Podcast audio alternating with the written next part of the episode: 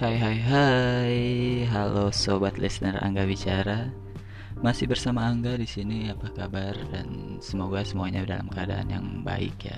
Sehat selalu dan buat kamu yang lagi kondisinya kurang baik, semoga lekas membaik, semoga lekas sembuh dan semoga kita dimurahkan rezekinya. Amin ya. Kali ini untuk episode kali ini aku akan ngebawain tema tentang gimana sih caranya memilih jenis produk yang pas untuk dipasarkan berdasarkan jenis produknya ya. Mungkin gak terlalu banyak. Aku akan ngebahas satu jenis produk aja, tapi memang produk ini bisa dibilang cukup uh, gampang atau mudah untuk dijual dan repeat ordernya cukup tinggi ya. Apa sih produknya? Oke, produknya itu makanan. Bermain di lini food. Makanan itu cukup tinggi dari segi repeat ordernya.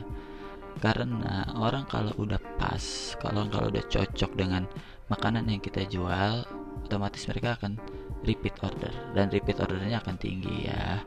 Dan makanan juga uh, mudah untuk dijual karena banyak yang butuh ya nggak susah kalau makanan yang eh, kalau produk yang lain mungkin agak susah untuk dijual. Tapi sekali lagi ya aku aku sih nyaranin jangan coba buat ikut-ikutan produk yang sudah ada.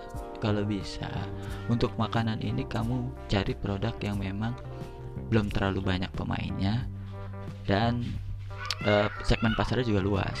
Kalaupun memang terpaksa harus uh, menjual uh, jenis produk makanan yang sudah ada, kamu harus punya tes atau rasa yang berbeda. Kamu harus punya keunggulan di produk itu.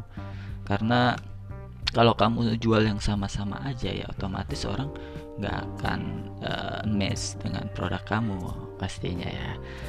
Oke, konsumen di Indonesia tuh ciri khasnya agak-agak sedikit ingin dimanja jadi menurut aku makanan itu adalah salah satu produk yang cocok untuk memanjakan konsumen di Indonesia ini. Oke, kamu juga bisa masarinnya via aplikasi. Ya, jadi bisa via online, bisa via WhatsApp, bisa via Facebook, Instagram, uh, GoFood, GrabFood ya. Jadi banyak aplikasi-aplikasi sekarang yang menyediakan tempat untuk kita berjualan. Kamu juga bisa mulainya cuma lewat dapur kamu aja. Jadi nggak perlu banyak makan biaya untuk sewa tempat dan lain-lain. Itu aja sih saran dari aku untuk episode kali ini. Dan nextnya mungkin aku akan bahas yang lebih wow lagi. Jadi kamu pastiin to follow Angga Bicara. And see you next time. Bye bye